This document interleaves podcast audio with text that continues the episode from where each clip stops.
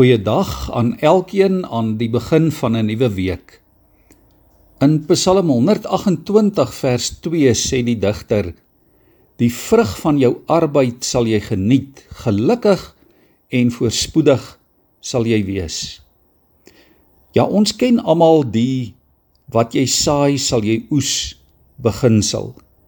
Daar is mos die grappie van die boer wat eendag op sy stoep gesit het en kyk het vir die lande daar ver in die verte toe een van sy werkers verbykom sê hy die mielies behoort nou al reg te wees.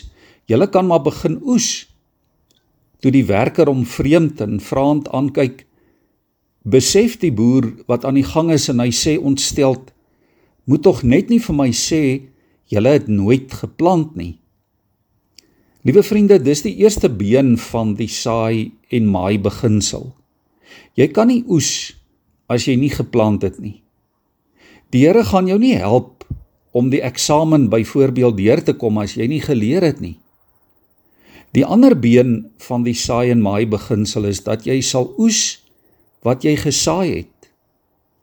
Daar's ook 'n grappie van die boer wat op die stoep gesit het en gesien het hoe die bobbejane sy oes verniel.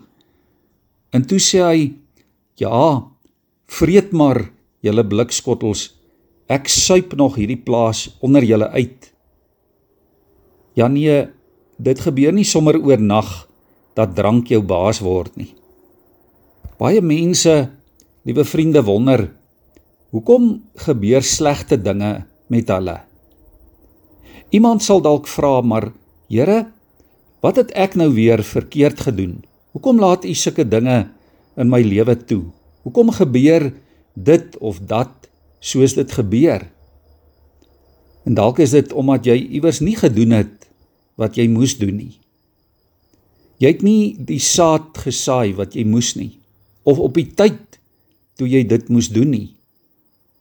Saad wat jy gesaai het of nie gesaai het nie bepaal die uitkoms, bepaal dit wat vorentoe gaan gebeur. Dit wat jy gaan oes. As jou kind byvoorbeeld kies om om nie met verkeerde dinge deurmekaar te wees nie, dan is dit die Here se genade. Maar dit kan natuurlik ook mos die vrug wees van die saad wat jy jare terug in jou kind se lewe gesaai het. Dit is maar een van die baie voorbeelde.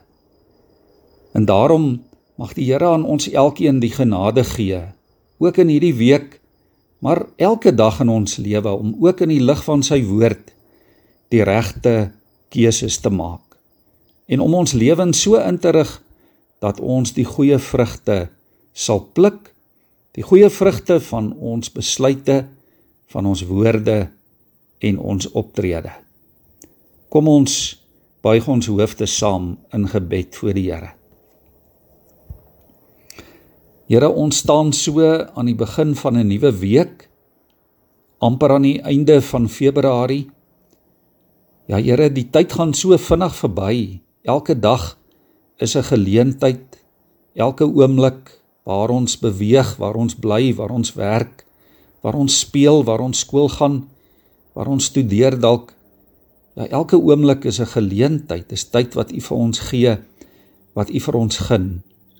En daarom bid ons Here dat U vir ons sal help om in die lig van U woord en onder leiding van U Gees die regte dinge te doen, die regte keuses te maak, die regte besluite te neem. Dat ons altyd en alles sal vra, wat is U wil? Wat is U plan? Is dit wat ek nou gaan doen of is dit waarmee ek besig is? Dra dit God se goedkeuring weg. En Here gee dan dat ons goeie vrugte sal oes, dat daar 'n groot opbrengs van seëninge uit die hand ook deel sal wees van ons lewe in hierdie dag in Jesus se naam. Amen.